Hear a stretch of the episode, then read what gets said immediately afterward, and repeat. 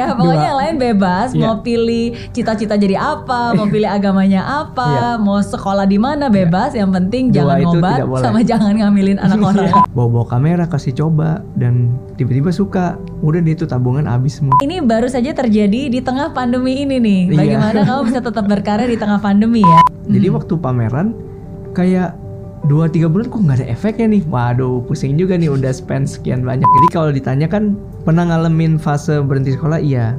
Kalau ditanya apakah ada penyesalan? Justru ada. Apa kabar? Nah hari ini seneng banget karena saya bisa menunjukkan kepada kalian proses yang biasanya saya lakukan sebelum bertemu dengan narasumber. Nah hari ini seru banget, saya akan syuting Zero to Hero. Nah tapi biasanya nih ada hal penting yang saya selalu lakukan sebelum bertemu narasumber, yaitu nge-research dulu. Betul nih, saya biasanya mengkepoin narasumbernya. Nah, jadi biasanya saya akan melihat ke channel YouTube-nya atau mungkin melihat di sosial medianya, dia di Instagram, dia lagi sibuk apa atau mungkin lagi mengerjakan project apa atau juga bisa meresearch tentang uh, hal-hal yang pernah dialami dalam hidupnya ya, baik itu mungkin uh, kisah sulitnya atau mungkin something yang pernah dia lalui, something yang pernah dia capai. Nah, jadi biasanya itu sih proses yang saya lakukan dan karena multitask, jadi biasanya saya suka menonton sambil membuat catatan. Nah, catatan ini adalah catatan yang saya buat uh, untuk mempersiapkan uh, ketika bertemu dengan narasumber. Nah, uh, oh iya buat kamu yang mungkin penasaran ya, wah Miss Mary kok laptopnya keren banget sih bisa sampai dual screen seperti ini. uh, laptop yang sedang saya pakai adalah Asus ZenBook Duo 14. Nah ini sangat membantu dan berguna banget ya, especially buat saya yang suka multitask. Dan kalau multitask itu penting banget juga untuk bisa memiliki operating system yang bisa uh, performance-nya dengan sangat cepat. Oke, dan apalagi uh, Asus ZenBook Duo ini juga sudah dilengkapi dengan Intel Core 11 Gen dan juga Asus Intelligent Performance Technology sehingga bisa memboost performance up to 40%. Nah, dan selain itu, um, Asus ZenBook Duo 14 ini juga dilengkapi dengan Windows Hello features sehingga bisa mempersingkat proses sign in hanya dengan wajah, hanya dengan jari, nggak perlu ngetik password. Jadinya lebih personal, lebih cepat, dan pastinya lebih aman. Nah, itu penting banget. Um, oh ya, ada informasi lagi nih buat kamu. Karena sekarang Asus juga sedang melangsungkan Incredible Reward Program. Jadi untuk kamu yang sudah membeli produknya, kamu bisa klaim hadiah kamu di link sini ya. Dan kalau review kamu memenuhi syarat, kamu bisa mendapatkan voucher senilai Rp100.000. Lumayan kan? Oke, kalau gitu berarti saya akan melanjutkan researchnya dan akan siap-siap karena sebentar lagi saya akan bertemu dengan narasumber spesial yang pastinya punya cerita spesial dan juga pembelajaran spesial buat kamu semua. Oke, so nantikan. Kegagalan bukan akhir dari segalanya, kesuksesan juga tidak selalu ada selamanya. Suka duka silih berganti, tapi kemauan dan keyakinan untuk terus melangkah itu yang harus dimiliki. Dan di Zero to Hero hari ini saya kedatangan fotografer ternama Indonesia, Benny Lim. Hai.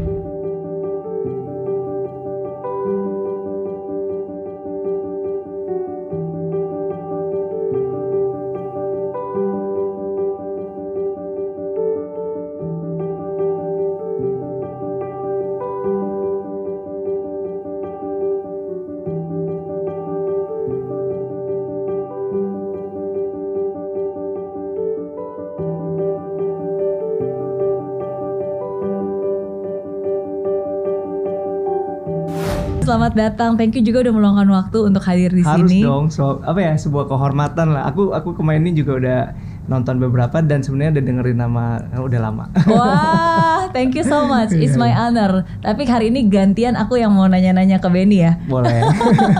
Oke, jadi pertanyaan pertama, Mm-mm. Eh, sejak kapan jatuh cinta dengan dunia fotografi? Eh, wah itu kalau di kelas balik I think 10 tahun lebih sih. Mhm. Eh, soalnya inget banget itu di zaman-zaman 2009 tuh awal-awal bisa dibilang lebih serius lah. Hmm. Iya, tapi kalau ditanya kapan pertama kali beberapa tahun sebelum itu emang inget banget tuh kayak dibeliin pocket kamera gitu. Oke. Terus udah mulai suka lah exploring foto-foto makro gitulah yang Dibeliin pocket kamera sama? sama orang tua zaman itu. Oh, Iya, terus nyoba-nyobain gitu. Itu itu pertama kali merasa eh kayaknya seru ya bisa create something lewat kamera kecil gitu. Hmm, berarti orang tua emang udah tahu atau melihat bahwa kayaknya anaknya ini hobi foto, Oh, oke. makanya dibeliin kamera atau gimana? Eh, lebih ke ini sih emang tipikal orang yang eh, dia berani untuk kasih anaknya explore gitu. Jadi Hmm. jadi dia nggak mau mengecilkan mentalnya. Biasanya dia lihat kalau ini positif disupport gitu. Oke. Ya kayak gitulah. Iya ya, jarang loh ada orang tua yang Iya, jarang. uh, punya pikiran yang terbuka untuk membiarkan anaknya mengeksplor dirinya sendiri. Iya, mm-mm. Emang j- kalau bisa dibilang ya jarang kayak contoh mungkin nanti kita aku bisa ceritain juga sih. Mm-mm. Kebetulan waktu dulu eh, SMA gitu aku minta berhenti sekolah pun ada di support tapi entah aku cerita kenapa gitu. Oh iya, oke. Jangan nanti sekarang aja. iya. Jadi aku itu juga satu hal sih ya. Makanya aku bilang bahwa Iya, uh, jarang banget sebenarnya ada orang tua yang benar-benar demokratis dan membiarkan anaknya untuk memilih sendiri jalan hidupnya. Apalagi intinya kan kadang-kadang orang tua pokoknya selama anak masih di rumah dia, Hmm. ya sebisa mungkin ya mengikuti peraturan dan juga uh, apa yang dia inginkan Iya, kan, iya, iya. termasuk sekolah. Hmm. Nah, tapi pada saat itu Benny uh, ketika SMA memutuskan untuk Berhenti. berhenti dan orang tua setuju ya boleh ceritain Ehm, sebenarnya gara-gara mungkin dari kecil maksudnya dengan cerita ini sebenarnya bukan suatu kebanggaan nih Hmm. pada waktu itu kalau ditanya sekarang nyesalnya minta ampun gitu Hmm. jadi zaman sekolah itu kayak bisa dibilang emang nggak suka aja sama misalnya lagi nggak suka sesuatu nggak bakal aku dalemin gitu loh Hmm. tapi once suka bakalan dalemin let's say misalnya waktu itu musik terus ada beberapa mata pelajaran demen ya demen banget gitu jadi Iya. karena mungkin pada masa itu nggak ada sekolah kayak sekarang yang kita bisa pilih misalnya eh, mau di bidang apa lebih dalam bidang apa Iya. gitu ya nah itu jadi bayangin ya nggak naik kelasnya itu like tiga kali gitu Iya itu oke shocking itu ya. SMP SMA Jadi ya SMP 1 nggak naik terus naik Ah. terus balik-balik sampai kelas 3 kan nggak mungkin nggak naik ya di drop out Iya. lah ya. Terus SMA 1 berikutnya sama nggak naik lagi. Hmm. Terus aku kayak bilang ke orang tua, kayaknya ini aja deh pengen berhenti sekolahnya. Ditanya emang mau ngapain? Ya masih bingung soalnya merasa saat itu merasa kayak nggak tahu kayak nggak nggak enjoy gitu. Hmm. Suruh belajar hal yang saya nggak suka gitu. Hmm. Tapi ya ternyata setelah sekarang dia cerita gitu kan. Kalau di kelas balik ceritanya dia suka cerita. Kebetulan kan udah punya anak ya. Iya. Bercanda ke anak saya. Jangan diikutin nih papanya katanya. Dulu dulu bikin shock, bikin kaget gitu. Tapi eh, satu sisi ternyata di balik itu dia udah nanya sama kayak wali kelasnya sama kepala Oh. sekolah. Maksudnya sebagai orang tua dia mau Iya. mencari tahu kenapa sih apakah anaknya ini tuh bodoh dan Iya. kutip atau emang males aja atau gimana dan kebetulan dia dapetin jawaban eh, yang katanya oh enggak sebenarnya Ben ini cukup pintar karena di bidang yang dia suka dia akan maksimal gitu jadi Hmm. mungkin kebetulan aja dia nggak nggak suka sama beberapa bidang gitu Iya. nah di situ dia eh, akhirnya mensupport karena itu karena dia udah cari tahu dulu latar belakangnya gitu Oke oke Iya. oke. Dan ini ini penting banget sih ya Iya. karena pertama of course sebagai orang tua sebelum kita mengambil keputusan Hmm. ya at least bagus untuk bisa mendengar dari berbagai macam pihak supaya Iya. kita bisa mendapat gambaran yang seutuhnya. Hmm. gitu. Jadi bukan hanya dari pandangan orang tua aja tapi dari anak pun didengarkan. Iya, betul. Eh, ko- concernnya seperti apa sih dan bahkan sebenarnya eh, ke wali kelasnya juga untuk menanyakan eh, Mm-mm. kamu waktu itu di sekolah seperti apa dan Iya. seterusnya. dicari tahu lah Oke. intinya gitu Iya iya. Tapi setuju sih bahwa sebenarnya eh, setiap orang itu pas cerdas ya. Setiap anak tuh Hmm. pasti punya kecerdasannya masing-masing. Iya. Hanya saja orang selalu berpikir bahwa cerdas itu berarti nilai matematikanya harus bagus, Nah. harus ranking ya kan. Iya, iya. Padahal kan cerdas ada beragam, ada multiple intelligence, Iya, ada iya. cerdas em, dalam segi visual, ada Hmm. cerdas dalam segi menulis, Iya. cerdas dalam segi eh, apa berbicara. Hmm, hmm, hmm. Ya itu setuju banget sih soal itu. Jadi emang kebetulan kayaknya dari kecil itu udah di artnya lumayan mentok. Maksudnya gambar buku-buku sekolah tuh ga- digambar? Hmm. Oh, iya. Ah, pelajaran musik tuh semua alat musik aku nggak semua sih like gitar, drum, bass zamannya dulu kan suka anak band gitu ya. Iya. Autodidak bisa semua gitu. Wow. Jadi emang mungkin eh, spesialnya di situ dan kebetulan makanya sekolah eh ah, matematika jangan dibilang deh. ya Oke. gitulah. Oke, kira-kira. tapi memang lebih sukanya di art ya. Art Maksudnya banget. yang lebih meng- mengaktifkan otak kanan. Ya. Oke, berarti kalau waktu di sekolah guru ngajar suka gambar-gambar. gambar-gambar. Jadi buku sekolahnya banyak gambar semua. Oke, Iya. oke.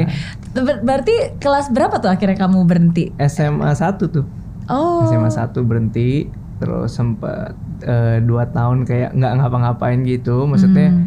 ya itu dibiarkan sama orang tua untuk coba explore tapi yang pasti dal- dalam batasan ya. Hmm. Karena gini, aku nggak pernah lupa. Orang tua selalu bilangnya gini, boleh eh, dikasih kebebasan dari umur 16 tuh kayak udah, udah bebas mau pilih agama sendiri, ibaratnya ke depan pengen jadi apa tuh udah boleh pikirin sendiri. Tapi yang penting nggak boleh ngobat, nggak boleh berbuat macem-macem yang akhirnya bakal nggak jadi anaknya dia lagi gitu. Oke. Dalam oke. artian dikasih ultimatum seperti itu. Jadi kayak sebenarnya dibalik dia aku bisa bilang kasih kebebasan tapi juga tegas banget gitu. Oke, Jadi dan penting sih. dan nggak boleh ngambilin anak orang lain Nah, katanya.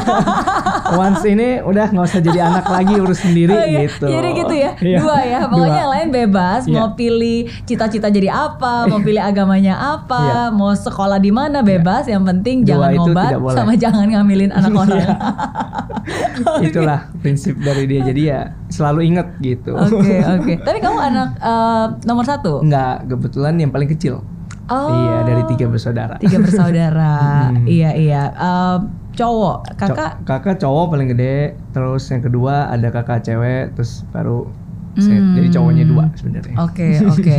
Terus gimana dong? Em, ketika berhenti sekolah, Mm-mm. berarti dua tahun kan literally sebenarnya belum ngapa-ngapain, Belum, belum belum, belum, berkarya, belum mulai fotografer juga belum. Belum, belum. Terus dua tahun ngapain aja dan emang orang tua atau kakak-kakak nggak nggak resah gitu? Eh, Ini anak masa depannya mau jadi apa gitu? Sebenarnya mungkin karena udah dicari udah dicari tahu backgroundnya juga, Hmm. maksudnya akhirnya ini kayak dikasih waktu dulu gitu loh, Hmm. dikasih waktu. Cuman somehow di dua tahun itu lumayan termasuk akhirnya sadar diri sendiri. Hmm. Karena ujung-ujungnya manusia selalu kan kayak, eh, gue mau bebas, gue mau dikasih kebebasan. Tapi once kita ternyata udah dikasih terlalu bebas gitu, eh tapi kita bakalan mikir sendiri, kayaknya gue mesti lakuin sesuatu nggak mungkin kayak gini Hmm. terus gitu. Nah itu kebetulan juga ada dorongan dari pacar saat itu dan sekarang istri aku nih. Hmm. Oke, ya kan? iya.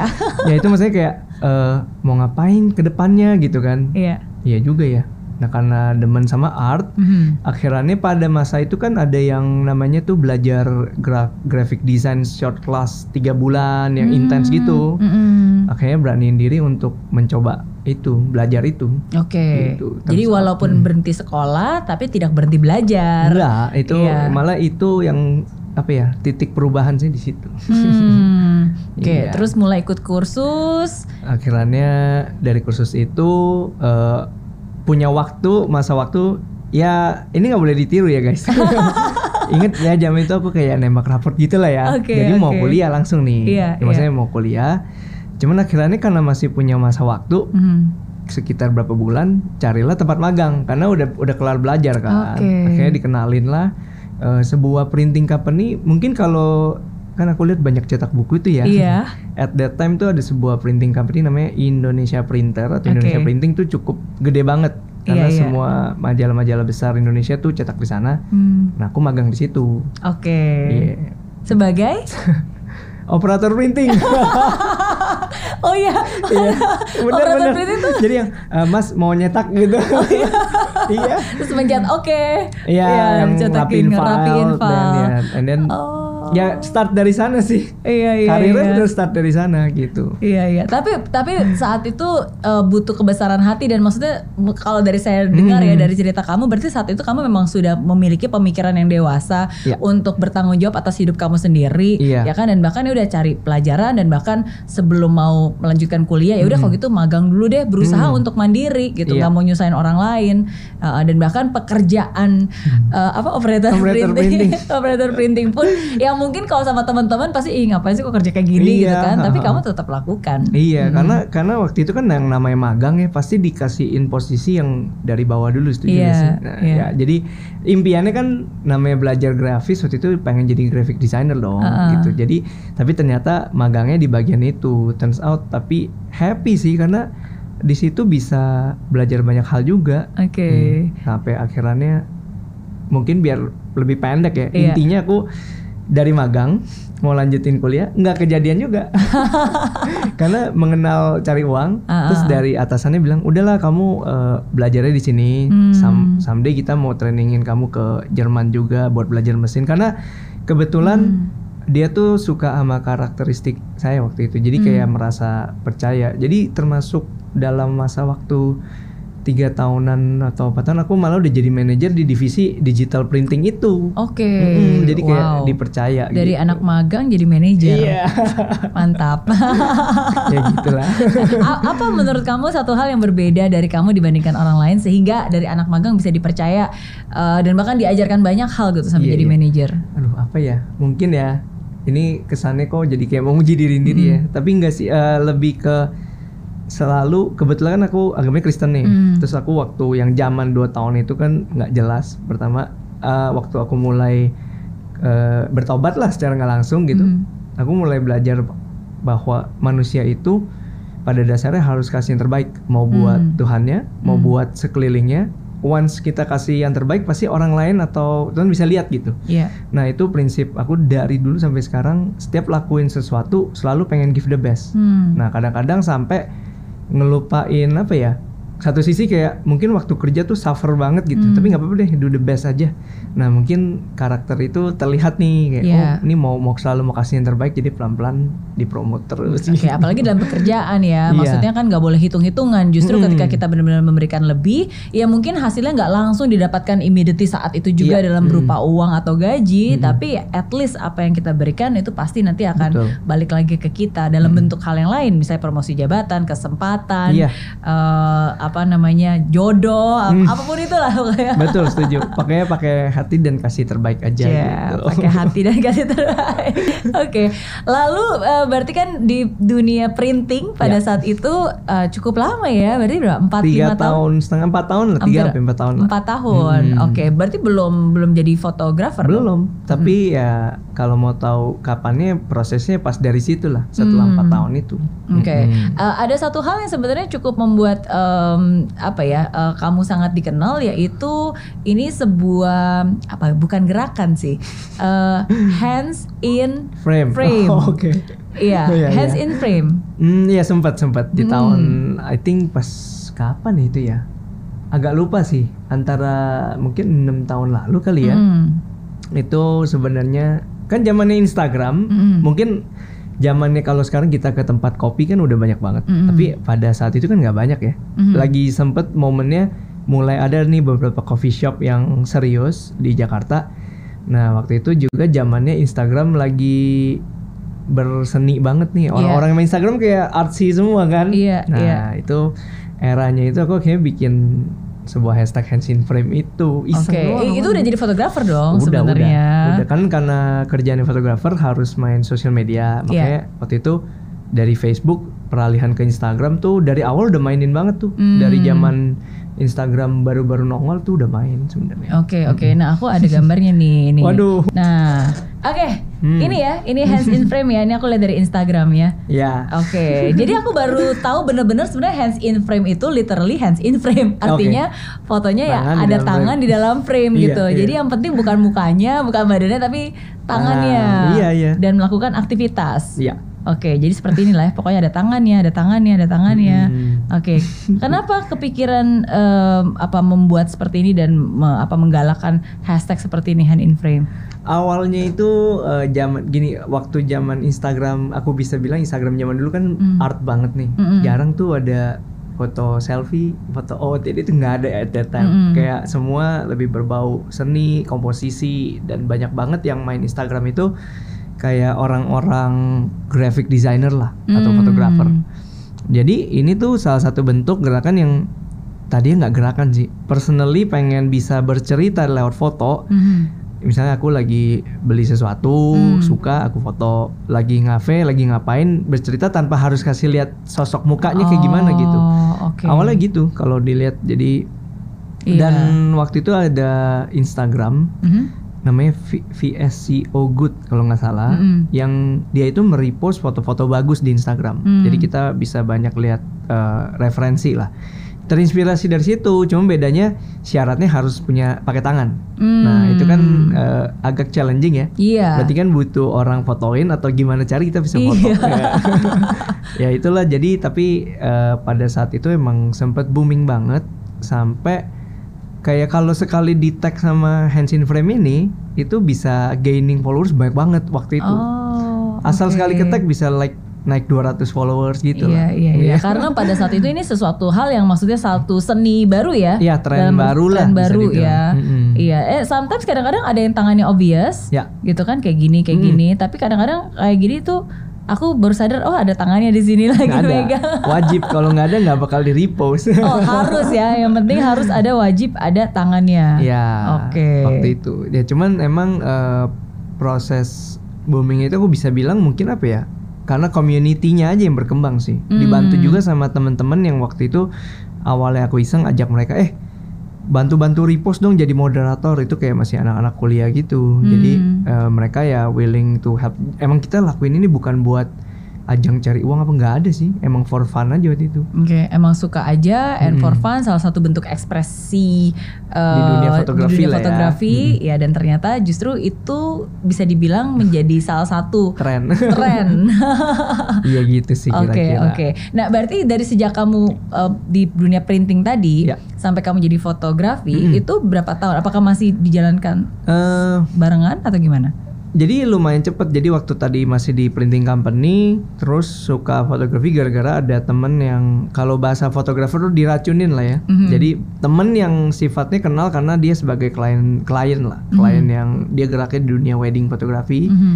Terus dia mulai kayak bawa-bawa kamera kasih coba dan tiba-tiba suka. Udah dia itu tabungan habis semua dibeli-beliin. Beli apa? Beli kamera, beli lensa. beli kamera lensa. Aduh, zaman itu apa ya? Kamera tuh jujur dulu mahal banget Aha. mahal banget dan jarang lah bukan sesuatu yang kayak sekarang dengan mudah orang melabelkan diri dia fotografer gitu karena Iya. untuk beli alat itu mahal tapi emang Iya. aku di dunia fotografi itu udah di era digital ya Hmm. jadi nggak ngalamin yang namanya film lah apa belum sih Hmm. jadi udah keburu era digital zamannya Facebook page tuh Iya. jadi ya prosesnya mungkin emang berjalan secara nggak langsung dari empat tahun itu langsung jadi fotografer nggak lama Oke, kapan akhirnya memutuskan untuk menjadi full time photographer? Ya jadi karena gini, mulai zamannya ada Facebook page dan kebetulan belajar grafik kan demen kan. Hmm. Jadi dari dulu udah bikin tuh brand namanya Junia Fotografi, Nomina udah bikin. Ah. Jadi centilnya udah dari zaman dulu gitu iya, kan. iya. Bikin-bikin brand sendiri, bikin Facebook page dan mulailah Padahal belum ada klien waktu itu. belum. Jadi kayak gimana ya? Once kita punya sesuatu kan kita mimpin dulu, kita Iya, bikin dulu. kita oh, gue pengen, dulu. eh, pengen punya namanya ini gitu. Wow. Jadi mulai foto-fotoin dari apartemen, Aha. anaknya bos saya tuh saya emang demen anak kecil demen foto anak gitu Heeh. jadi foto-fotoin masukin ke Facebook page saat itu dan termasuk eh, bawa tren foto outdoor atau candid ke Indonesia karena Hmm. kalau waktu itu ya foto baby itu masih bisa dibilang sifatnya studio, Studio, dan studionya pun yang lebih kaku lah ya Iya, iya, nah, iya. jadi Ya kayak foto seja- saya zaman dulu lah kalau lihat foto kecil paling cuma bludru-bludru bon- duduk. boneka satu gitu Oh, kan Masih mending nggak ada boneka sama Nggak ada sekali cuma bayinya doang. lightingnya juga begitu aja yang pakai Iya. payung-payung kan Iya, iya, Iya, betul. jadi jadi emang pas lagi itu eh trennya pas banget bawa Hmm. tren walaupun awalnya tidak bisa diterima sama orang kayak Hmm. kok aneh sih fotonya candid outdoor foto kok nggak pakai lighting gitu loh jadi saya Hmm. memanfaatkan outdoor memanfaatkan nuansa apa ya kayak real lah apa Iya. yang ada di dijadiin foto candid gitu Oke. Ya, tapi kebetulan booming aja saat itu Iya, nggak ada yang Iya. kebetulan nih sebenarnya.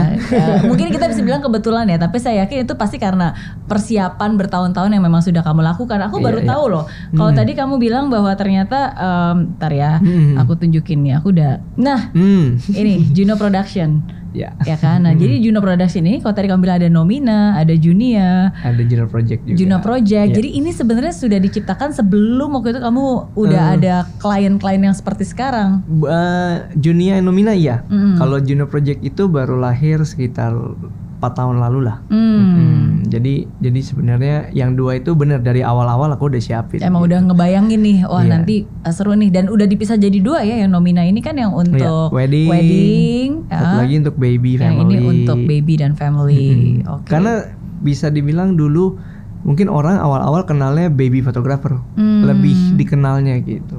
Oke. Ya makanya dipisahin. Iya, tapi kan eh, nggak mudah ya dalam arti kan Hmm. em, fotografer itu menjadi eh, apa ya?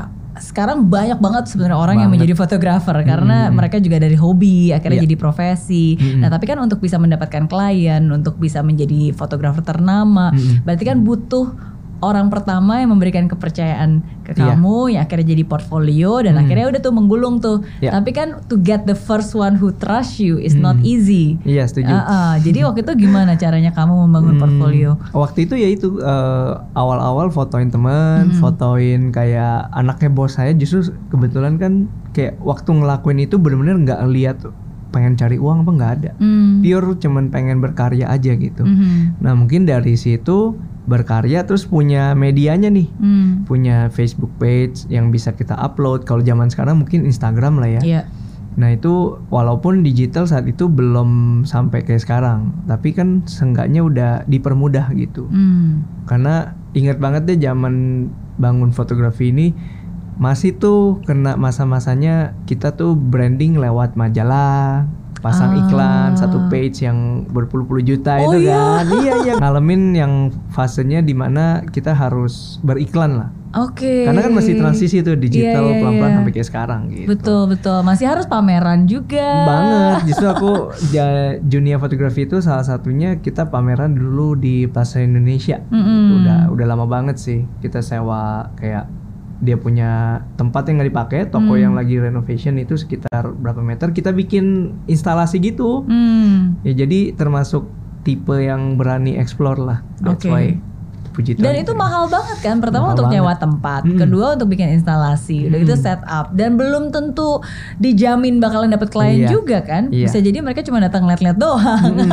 mahal dan, mahal dan mahal. itu terjadi. terjadi jadi kayak eh beran bukan berarti dimulai dengan sebuah apa ya bukan dimulai dengan yang kayak modalnya besar enggak sih Hmm. tapi karena dengan yang pas-pasan itu Mhm. mencoba untuk beraniin dan Hmm. tadi kan sempat ngomong tuh bahwa untuk kita lakukan yang terbaik belum tentu dinikmati saat itu nah itu Iya. aku setuju banget jadi Hmm. waktu pameran kayak dua tiga bulan kok nggak ada efeknya nih waduh pusing juga nih udah spend sekian banyak gitu Iya. tapi turns out ternyata yang namanya baby photography itu kan misalnya nih habis merit terus orang kan biasa eh, baru hamilnya setelah kapan Iya. terus nanti dia lihat baru inget oh dulu aku pernah lihat nih oke aku kontak deh jadi kayak Oh, perlu butuh waktu, waktu. butuh waktu nggak nggak semudah Oke, itu oke. gitu jadi Iya. setahun kemudian sih lumayan berasa begitu tanya oh lihat dari pameran dulu pameran dulu nah. Hmm, Oke oke ya jadi ya again selalu ya kita harus yang penting jangan menilai hari dengan apa yang kita tuai Iya. tapi hitunglah hari dengan apa yang kita tabur Iya. di hari itu keren karena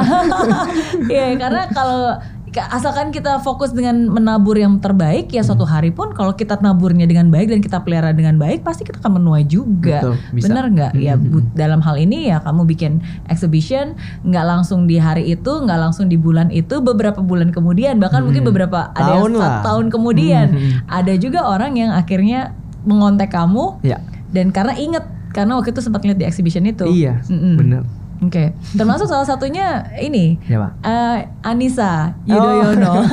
betul betul salah Bener satunya? Iya. ya waktu itu jadi eh, kak Anissa mungkin asistennya juga yang Hmm. nemuin terus akhirnya bisa kenal juga dipercayai untuk fotoin keluarganya pada Hmm. dua tahun itulah jadi aku foto tuh di Istana Negara gitu maksudnya seru sih itu pengalaman yang nggak terlupakan juga maksudnya dengan kan pasti ada protokolnya lah ya Iya, iya. misalnya contoh simple yang kita kalau sedang naik mobil nih mau pindah tempat tidak boleh tuh kita sembarangan melewati berjalan ternyata kebetulan waktu itu ada eh, ibu negara lagi di sebelah sana tuh lagi kan demen fotografi juga Iya betul Bu nggak boleh tuh melewat-lewatin gitu ada protokolnya lah Oke, Gitu. iya iya iya seru seru itu sih pengalaman tak terlupakan. Tak- tak Yes. terlupakan sih. Once in a lifetime experience. Iya iya. Oke, tapi again semua itu uh, hasil dari kerja keras dan proses Iya. dan terus bersabar dan terus melakukan yang terbaik lah kalau saya bisa Iya. bilang. Iya, iya. Oke. Wajib sih itu. Oke, ada beberapa foto yang saya ingin tunjukkan. Nanti Hmm. bisa dikomentarin sama Benny. Oke, Oke. jadi pertama eh, kita Researchnya udah banyak nih. ya. harus dong kan kalau ketemu sama narasumber kita harus em, apa ya harus kepo harus Harus kepo. kepo. Oke, Oke. jadi yang ini aku pindahin dulu ke bawah karena ada yang ingin aku tunjukkan. Ya. Nah, oke. Nah, yang aku tunjukkan. Oke, jadi ada foto. Mm. Gak boleh ngintip dulu. Aku Oke. kasih lihat dulu fotonya. Oke. Nah, terus dari nanti dari sini bisa eh, cerita nih. Oke. Nah, mungkin dari yang ini dulu deh. Mm-mm. Nah, ini Oke. ini ya tadi Mhm. since ngomong sama em, Mbak Anissa, Ya, ya ini sama putrinya. ya.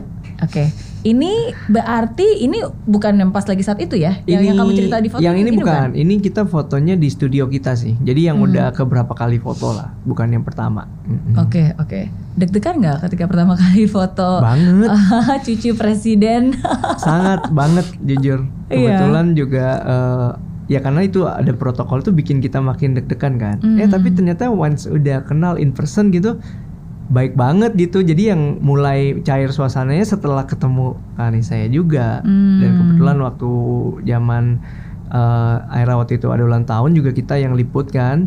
Ketemu Pak Presiden juga. Iya. Lama banget gitu. Jadi kayak oh ya sebenarnya orangnya baik-baik juga. Cuman Iya. yang namanya protokol kan jadinya kayak tegang ya saya.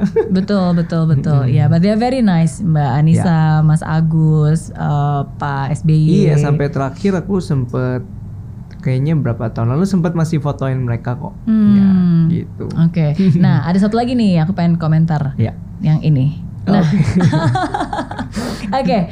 Ini coba mungkin bisa diceritakan nih karena ini baru saja terjadi di tengah pandemi ini nih. Iya. Bagaimana kamu bisa tetap berkarya di tengah pandemi ya? Iya. Mm. Ini ini seru banget sih kayak kalau diceritain kan waktu pandemik aku rasa semua orang ngalamin hal yang sama nih. Iya. Tiba-tiba pandemik ini kita pikir mungkin ya bentaran udah mulai better ternyata kok kayaknya maksudnya pada saat itu semua pasti di rumah doang tuh. Hmm. Bener-bener kantor juga full apa ya WFH semua dan efek banget ke kita. Aku mau cerita ya. Jadi aku pas banget waktu itu lagi ngerjain sebuah project kebetulan untuk Asus nih Ya. eh, iklannya waktu itu tentang eh, intinya tentang ga- garansi mereka terus waktu itu aku libatin ada kayak action gitu lah Hmm. kita produksi di sebuah studio dan itu fase di mana mulai yang dibilang oh kalau jam 12 malam atau malam harus nggak boleh nongkrong harus pulang Oh iya. jadi kayak mulai Nggak boleh ada transisi keramaian. Iya. Iya. Nah itu kita kebetulan syutingnya di daerah Tangerang gitu kan, Hmm. studio gede. Nah itu jam 12 malam disuruh kelar loh sama pihak berwajib gitu. Uh-uh. Jadi kayak oh udah mesti kelar ya gitu. Wah itu deg-degan banget karena kan harus ada sesuatu yang di achieve kan. Iya. Nah, jadi sebenarnya pandemik itu efek banget ke production. Hmm. Itu sangat. Contohnya kita kan libatin banyak orang kalau Iya. production gitu. Jadi ini terlahir karena awalnya aku bingung nih kayak pengen produksi sesuatu gimana ya caranya ya. Dan ada eh, momen di mana orang semuanya bikin virtual foto ya. Oh iya, betul betul betul. Termasuk aku juga waktu Ikut itu sempat ya? Oh. maksudnya sempat ada yang mau fotoin Oke. terus pakai virtual fotografi Hmm, lah maksudnya dalam arti lewat di, di rumah gitu ya. lewat screen. Itu Mm-mm. makanya aku aku ngerasa tuh manusia emang diciptain punya Ya. akal budi tuh bisa beradaptasi. Yes. Itu hebatnya kan. Iya, Ini salah satu bentuk adaptasi. Jadi Hmm. waktu itu aku yang pertama bukan sama Dian, yang pertama aku ajakin temen Mhm. kayak randomly, eh coba yuk, coba apa nih? Eh, kita bikin kalau foto udah biasa aku bilang. Iya. Foto itu kalau di virtualin paling hasilnya dari screen dan tidak bisa high res. Jadi Betul, kan, nah, aku- biasanya agak pecah Mm-mm, ya. Akhirnya putar otak gimana ya biar high res. Kalau mau high res berarti kan device-nya harus ada di sana. Iya. Saya cuma ngedirect dia gitu kan. Iya. Nah waktu itu coba bikin sama temen. Sebenarnya mirip treatment production. Aku bikinin mood boardnya, sedikit Ah, storyboardnya, oke. diskusi dulu, terus eh, kayak oke lu shootnya gini, aku direct gitu. Hmm. Terus kalau yang pas mereka pengen shoot ada dianya siapa yang bantuin ya itu siapa aja yang di rumah mbaknya siapanya gitu. Oke. Ya jadi eh, waktu itu bikin dan ternyata aku kasih nama lah ya kayak kayak dulu gitu udah kasih kasih nama Uh-uh. kasih nama kayak karya tanpa batasan dalam artian Hmm.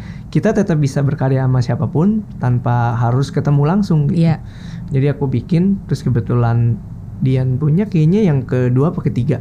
Yang kedua Oke. aku cobanya Tapi ini soalnya bukan foto loh, ini movie. eh, Movie, maksudnya video. ini short short movie Iya, iya. video. Jadi emang gitu. yang tadi aku lakuin semuanya video. Oh, Nah, Oke. eh, karena mau high res kan. Yes, yes. Terus Mm-mm. kameranya berarti pakai Ya smartphone yang ada di rumah. pakai gitu-gitu. smartphone-nya dia. Iya. Terus berarti tapi kamu yang mendirect. Iya. Wow. pakai oke. ya saat itu pakai zoom, pakai apa jadi kayak oke shootnya gini ya, terus kasih lihat. Eh coba ambilnya gini gini terus kalau waktu dia merasakan kan susah ya sambil zoom apa. Iya. Oke take your time, pokoknya gini. Nanti lu kirimin ke WhatsApp, gue cek. Kalau nggak ini kita zoom lagi. Jadi kayak prosesnya begitu sebenarnya. Oke, oke. Iya, terus yang Dian kebetulan aku kasih lihat contohnya. eh, di kan eh, udah pernah kerja bareng jadi temen juga. Iya. Eh bikin yuk. Terus emang aku ngerasa dia tuh orangnya sama tuh spiritnya tuh kayak once pengen lakuin sesuatu totalitas banget gitu. Betul. Kita lakuin ini kayaknya syutingnya ada tiga atau empat hari loh. Oh. Nggak gampang yang Dian karena For like about 2-3 minutes video. Iya, jadi kayak karena kan dia sibuk banget ya. Iya. Jadi aku sangat appreciate banget tuh waktu dia untuk pengen achieve ini bareng. Hmm. Terus kita coba bikin gitu. Oke, oke. wow. Jadi ini jadi virtual director. iya, dan mungkin tak aku cerita ya, mungkin nggak tahu. Semoga ada di ini. Aku sampai pernah ngerjain iklan. Hmm. Nanti nanti mungkin abis ini bahas apa nih Mas yang ini gak?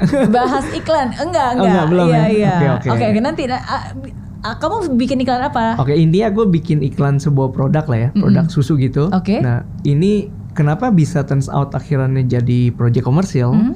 Kan tadi ini cuma for fun lah pernah bikin ini, pernah buat Raiza juga. Mhm, mhm. Nah ini tuh iklannya, bayangin mereka harus production, udah ada kontrak dengan eh, kayak talentnya. Mhm. Talentnya stuck di Australia, nggak bisa Oh. pulang. Iya, jadi kayak gimana nih mereka tetap harus launching kan? Oke, oke. Ketemulah mungkin produsernya ketemu saya nih, eh kok ada eh, online directing ini gimana sistemnya? Jadi kayak Oh. dia kontak. Nah ini pengalaman paling seru. Kebetulan kan aku tadi lihat laptop ini nih. Iya. Jadi aku ingat karena aku kerjanya exactly pakai laptop tipe Wow. pro, yang pro-nya, yang pro-nya. Yang dua, yang dua Iya, seperti Pro Duo, ini. iya. Oke, oke. Makanya aku inget. Jadi kayak prosesnya tuh bayangin ya kita production untuk iklan TVC, Mhm. uploadnya TVC itu totalnya cuma melibatkan enam orang, Mhm. tiga di Indonesia, tiga di Australia. Wow. Iya. Oke, Itu- benar-benar nggak ketemu. nggak ketemu semuanya lewat virtual. Lewat virtual. Jadi yang tiga di Indonesia emang kebetulan adalah tim yang berbarengan terus. mhm. Dalam artian kenapa kita berani? Eh, karena kita tuh hari ketemu orangnya itu aja bertiga. Jadi Oke. kasarnya kita udah percaya lah kita nggak ke mana-mana juga. Iya, iya. Kita production di ruangan kecil, which is sebenarnya di rumah. Mhm. Cuman aku tuh agency, agency dengan ini layarnya aku bedain. Jadi aku pakai tiga layar nih. Oke. Satu layar gede untuk aku ngecekin semua angle productionnya. Iya. Sebelah sini layar yang berikutnya tuh kayak eh, buat agency. Iya. Terus yang bawah ceritanya decknya. Jadi kayak Oh, ah, iya kalian kan ini memang bisa di di switch ya. Jadi coba Iya. aku ini aku aku off dulu ya. Nah, Iya. yang ini yang di bawah aku naikin ke atas gitu. Iya. Ah, terus berarti di sini ada buat yang agensinya, buat Hmm. buat editingnya dan Iya. seterusnya. karena kan wal- kalau namanya production TVC kan kita harus ACC semua yang lagi di shot misalnya take one Iya. nih. Terus udah kelar kirim. Jadi aku ngerasa internet ngebantuin banget sama teknologi gitu. Banget, banget, banget. Iya, itu sampai bikin A- iklan. aku aku kepo nih, aku cek. Iya. Iklannya ada di YouTube gak?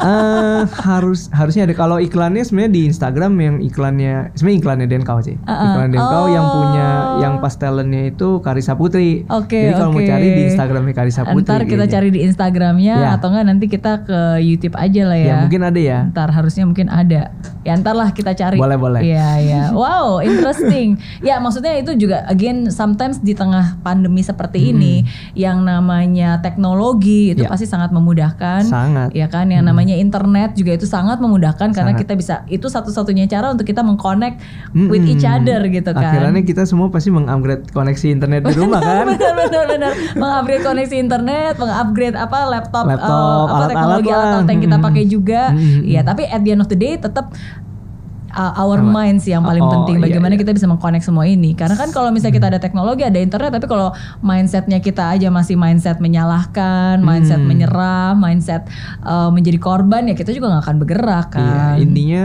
just start, jangan takut salah karena Iya. kan ya kesalahan bikin kita bisa belajar gitu Iya. aja sih kalau aku ngerasa. Jadi ya coba aja kalau ada hal baru gitu. Oke, setuju, setuju. Ntar, ntar aku kepo, ntar aku cek. Iya, Boleh. Eh, ini kebetulan di di page pertama kok ada video saya sendiri. oh iya, oh iya, oh bisa loh. Apa ini? Ketika kamu dici, dicaci dan dihina. ini bukan iklan loh, emang kebetulan aja ada di depan. Oke, ya udah, nggak apa-apa. Ini kita turunin ke bawah lagi. ya. Hmm. Oke, sekarang balik ke foto tadi nih. Masih ada foto yang aku mau tunjukin. Oke. Jadi ini waktu itu sama Dian ya. Ya. Ntar aku, eh, ntar yang lain juga harus nonton nih videonya. Ya boleh. Menarik banget. Oke. Uh, about contentment. Iya waktu itu. Hmm. Jadi kayak apa menyuarakan bukan menyuarakan intinya kita bikin konsepnya bareng lah nggak cuma aku doang sih. Hmm. Jadi kayak kita berdiskusi bareng. Mhm.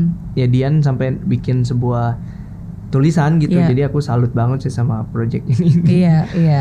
She's very talented. ya banget itu berasa. Artis serba bisa. Mm-mm. Semoga kalau Mbak Dian nonton, salam kenal. Suruh ke sini juga gitu Dari ya. ke sini juga ya, boleh, boleh. Dengan senang hati kita tunggu. Nah, Waduh. Oke. ini kamu kan? Mm-mm. Iya gak sih? Iya iya. Nah, aku nebak-nebak ini kayaknya Benny deh. Iya, ini sekarang jadi punya hobi sepeda, naik Banget. sepeda. Iya. Mm-mm. Iya itu sampai dibecandain lah sama teman-teman. Udah nggak udah nggak foto ya, udah nggak ini ya jadi jadi atlet Iya, baru aku mau nanya. Heeh, jadi ini kesibukan baru nih. banget. Mm-mm. Mungkin bukan kesibukan lah, tapi kayak passion baru dan aktivitas baru. Hmm. Mm. Jadi bisa dibilang awalnya pas pandemik itu juga awalnya sih cuma beli sepeda lipat doang sih. Mhm. Terus mulai suka sepeda, cuma ngerasa kok makin lama punya efek positif nih sepeda itu ke kehidupan. Hmm. Aku merasa. Jadi eh, apa ya? nggak dulunya bergadang mulu, Iya. apalagi production. Sekarang totally berubah hidupnya. Ya. Jadi bangunnya pagi banget. Aku jam 5-an tuh udah pasti bangun. Oh ya? Iya, hampir Untuk sepedaan. untuk sepedaan. Ah. Tapi kan bedanya jadi efektif karena kan Iya. kalau harus sepedaan mungkin orang pikir abis olahraga pasti capek. Malah kebalik sih. Sekarang Hmm. kalau udah olahraga endorfinnya keluar jadi kayak Hmm. ngelakuin sesuatu mikir tuh jadi semangat gitu. Hmm. Jadi tapi ini udah jadi aktivitas rutin. Seminggu sekali setidaknya. Se- seminggu bolong sekali. Oke, oke. Semi Oh, maksudnya setiap hari? iya bisa dibilang. Oh ya? Iya. Wow. Soalnya kan aku dari yang pas belum pandemi bulat gitu kan. Heeh. Sekarang maksudnya lumayan. Bulat apa maksudnya gemuk? Gemuk. Oh iya, Iya kalau mau search foto-foto lama gemuk bener. Oh iya. Iya. Turun berapa kilo berarti? Eh, kayaknya 9 deh. Oh. 9 dalam artian plus badannya juga jadi kalau kardio ya. nggak masal banget sih lebih kayak kering gitu ya. Jadi nggak Oke. terlalu ya kayak gitu. Oke, turun oke. turun turun. Turun ya. Iya. Oke, boleh. Ini Semangat aku juga jadi pengen Ini sepedaan olahraga. seru. sepedaan seru. Oke, tapi kalau kayak gini nih, ini kan Hmm. fotogra Wah, ini fotonya bagus banget ya. Tapi Iya. kalau kayak gini fotografer siapa yang motoin? Temen eh, tim-tim aku lah, maksudnya temen juga kayak tim eh fotoin ya gitu. Oh, oke. Because it's still very artistic ini. Aku pikir wah, fotografer difotoin orang tetap hasilnya artistik juga. Kebetulan yang moto juga jago kan tim kita kan Mm-mm. gitu. Oke, sepeda bareng-barengan dong berarti ya sama. Bareng-bareng Oh, emang hobi sepeda. emang Jadi hobi sepeda juga. kebetulan satu tim production ada beberapa yang demen sepedaan. Dari yang bulat bareng kita sekarang kurus bareng.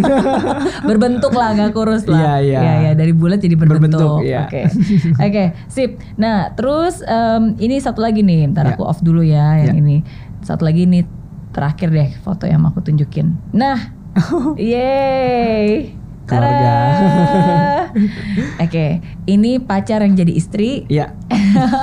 Macan jadi istri. Namanya Agnes Sindinata. Agnes. Oke, ini Jovan Lim. Jovan Lim. Iya. Umur berapa Jovan? Jovan sekarang 7 tahun. Oh, oke Iya. oke. Mm-mm. Lagi imut-imutnya dan lucu-lucunya, Iya. banyak nanya. Banyak nanya, ngobrol bawel ya. bawel.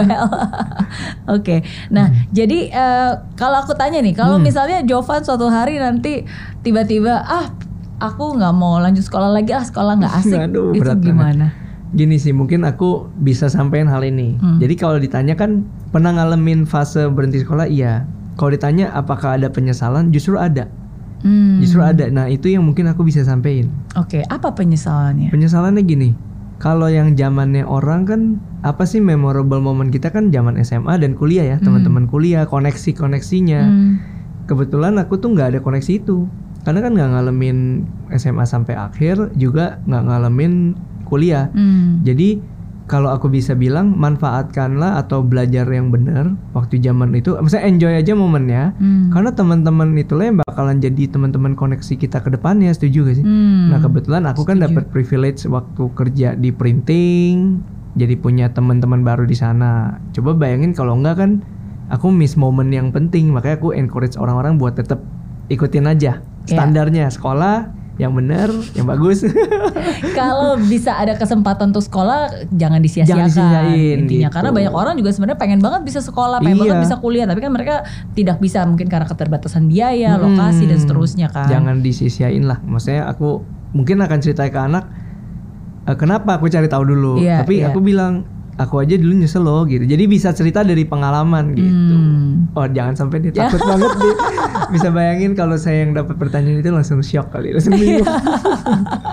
Oke, nggak tapi uh, again at the end of the day menurut saya pasti uh, apa ya maksudnya saya yakin pasti anak-anak itu uh, sem- nggak ada anak yang bodoh ya semua Iya. anak itu pasti cerdas dan Mm-mm. memang tugas kita sebagai orang tua untuk memberikan Temuin kesempatan ya. sebanyak-banyaknya Mm-mm. gitu mereka bisa selesaikan sekolah mereka kalau bisa sih sebenarnya sebagai orang tua dia mau S1 S2 S3 wah kita malah seneng, seneng banget pasti, iya. Uh-uh, Mm-mm. gitu yang paling penting ya uh, jangan hanya sekedar sekolah tapi ya bener-bener belajar Iya. sungguh-sungguh. Iya. Karena kalau di sekolah tapi nggak belajar, Sama lebih baik aja jadi luar sekolah tapi belajar ya Iya, kan. iya, iya, setuju. Hmm, Iya iya iya. Semangatnya se- seumuran sama anak saya yang kecil nih Oh, kayaknya. gitu. Jangan-jangan satu sekolah lagi. Jangan-jangan. nah jadi berarti eh, kalau misalnya kamu bisa kembali ke masa Mhm. remaja. Iya. Oke, dan Waduh. bisa menasehati Benny yang waktu Yang masih dulu. remaja. Mhm. Kira-kira nasihat apa nih yang pengen kamu sampaikan ke Benny? Eh, harus ya itu jangan sia-siain masa sekolah. Hmm. Terus mungkin eh, yang namanya remaja pasti di otak kita tuh pengen bermain lebih banyak ya. Hmm. Padahal ini ajaran orang tua juga sih yang aku lumayan kurang dengerin. Oke. A- Akhirnya kalau bisa dibalik pengen ikutin. Kasar gini.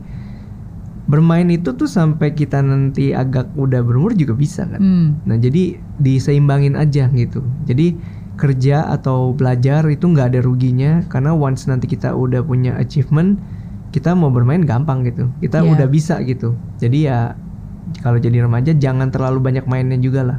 Tapi Hmm. lebih seimbangin aja karena percaya kalau yang namanya bermain kapan aja bisa gitu. Hmm, oke oke, iya iya iya, karena eh, ya again, sometimes kesempatan ketika kesempatan itu datang, sometimes kadang-kadang eh, nggak mungkin bisa datang dua tiga kali ya, Betul, Eh, eh, iya. jarang banget lah orang Jarang. diberikan kesempatan dua sampai tiga kali ya, Hmm. jadi gunakan masa muda Sebaik semaksimal mungkin. ya lebih baik kehilangan masa muda daripada kehilangan masa depan. Ya, iya kan sih, Betul. iya karena saya termasuk salah satunya karena waktu waktu muda Hmm. dulu, iya pada saat itu benar-benar pengen berjuang aja sih untuk mengubah hidup, pengen benar-benar bisa sukses sih. tapi kan kelihatan banget ya. Aduh, Maksudnya aku ikutin kok terima kasih. kisahnya, ceritanya. Aku ingat banget. Mungkin pasti kenal eh, Dion ya, Dion Wiyoko ya. Dion Wiyoko kenal dong, dia karena- kan yang main Iya. memerankan jadi suami saya. Nah, aku juga ibaratnya sama dia lumayan teman deket. Mhm, jadi mhm. emang tahu dari situ juga waktu dari Iya. yang itu jadi oh iya ya, jadi tahu nih gitu. Dia dia Iya. bercerita juga lah as a friend sosoknya Mary. Thank gitu. you, thank you. Iya, karena again em, apa ya? Jadi kalau misalnya kita kita ingat lagi nih, misalnya pas lagi masa-masa kita muda, Hmm. mungkin ada hal-hal yang kita korbankan ya. Kayak pada saat itu sih saya nggak ada waktu tuh untuk hangout sama teman, Hmm. main-main dan seterusnya. Tapi is okay nggak apa-apa. At least kan sekarang bisa main-main sama anak, main-main sama teman-teman yang lain juga Iya, iya. gitu. Jadi there's always a price to pay lah. Mm-mm. Setuju. Setuju. Salam juga buat Dion yang lagi Iya, ikut ya ke sini ya Yon.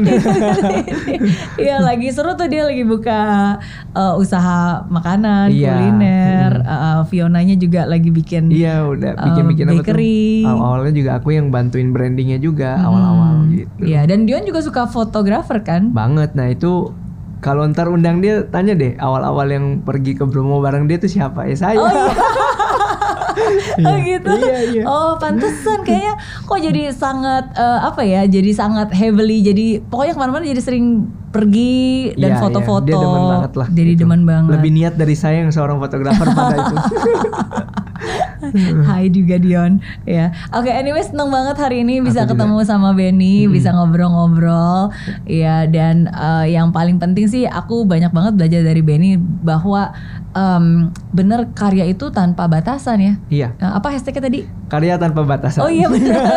karya itu benar-benar tanpa batasan. Iya. Dan justru di tengah keterbatasan seperti ini kita malah jadi lebih berkarya melakukan hal-hal yang nggak pernah kepikirkan sebelumnya I- ya. iya, iya, hal-hal yang banget. awalnya kita nggak berpikir bahwa wow ternyata bisa mendirect lewat virtual, Mm-mm. ternyata bisa bikin iklan eh, sih. dua benua. Iya, terus kayak Eh, bikin MV teknologi. lewat lewat ini juga, lewat online, Bikin apa? music video. Bikin music Buat, video.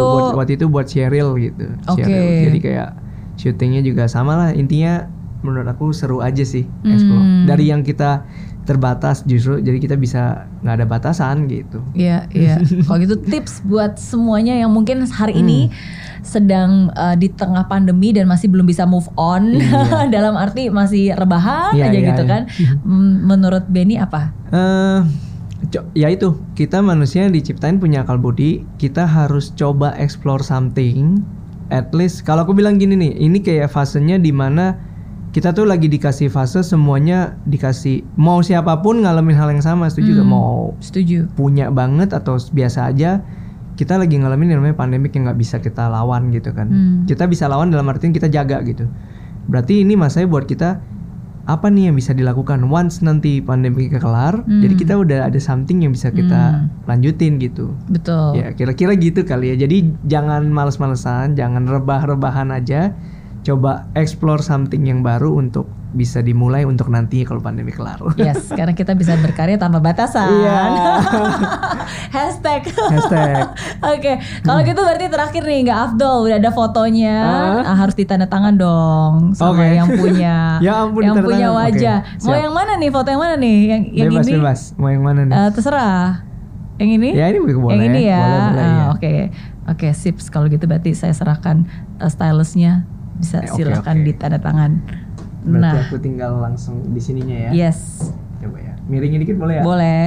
Nah. oke Wah.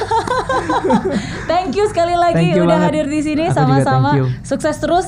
Ya, uh, next time kalau butuh artis untuk uh, virtual video juga silahkan. boleh nanti kita kontak-kontak Kak. Iya, bercanda. So anyway, thank you so much sekali lagi dan setiap orang pasti punya cerita dan setiap cerita pasti selalu ada pembelajaran berharga. Semoga cerita dari Benny Lim hari ini bisa membawa pelajaran berharga buat kalian semua yang sedang menonton.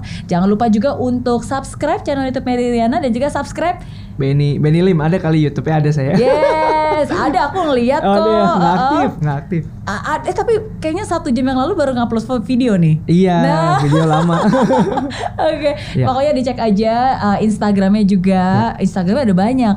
ya lumayan Instagram Uh-uh. ya aku yang Benny Lim saja lah pokoknya Oke, Aku yang. Benny saja dari situ nanti bisa diarahkan ke yang lain-lainnya juga. Oke, Ya. so thank you, God bless you, fight till the end and never give up. Bye bye.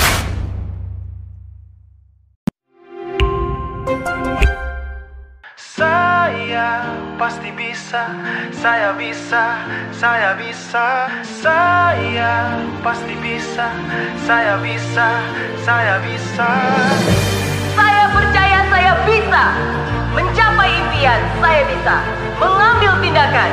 Saya bisa bangkit dari kegagalan. Saya bisa. Saya bisa dengan doa. Saya bisa dengan usaha. Saya harus bisa untuk keluarga, bangsa, dan negara.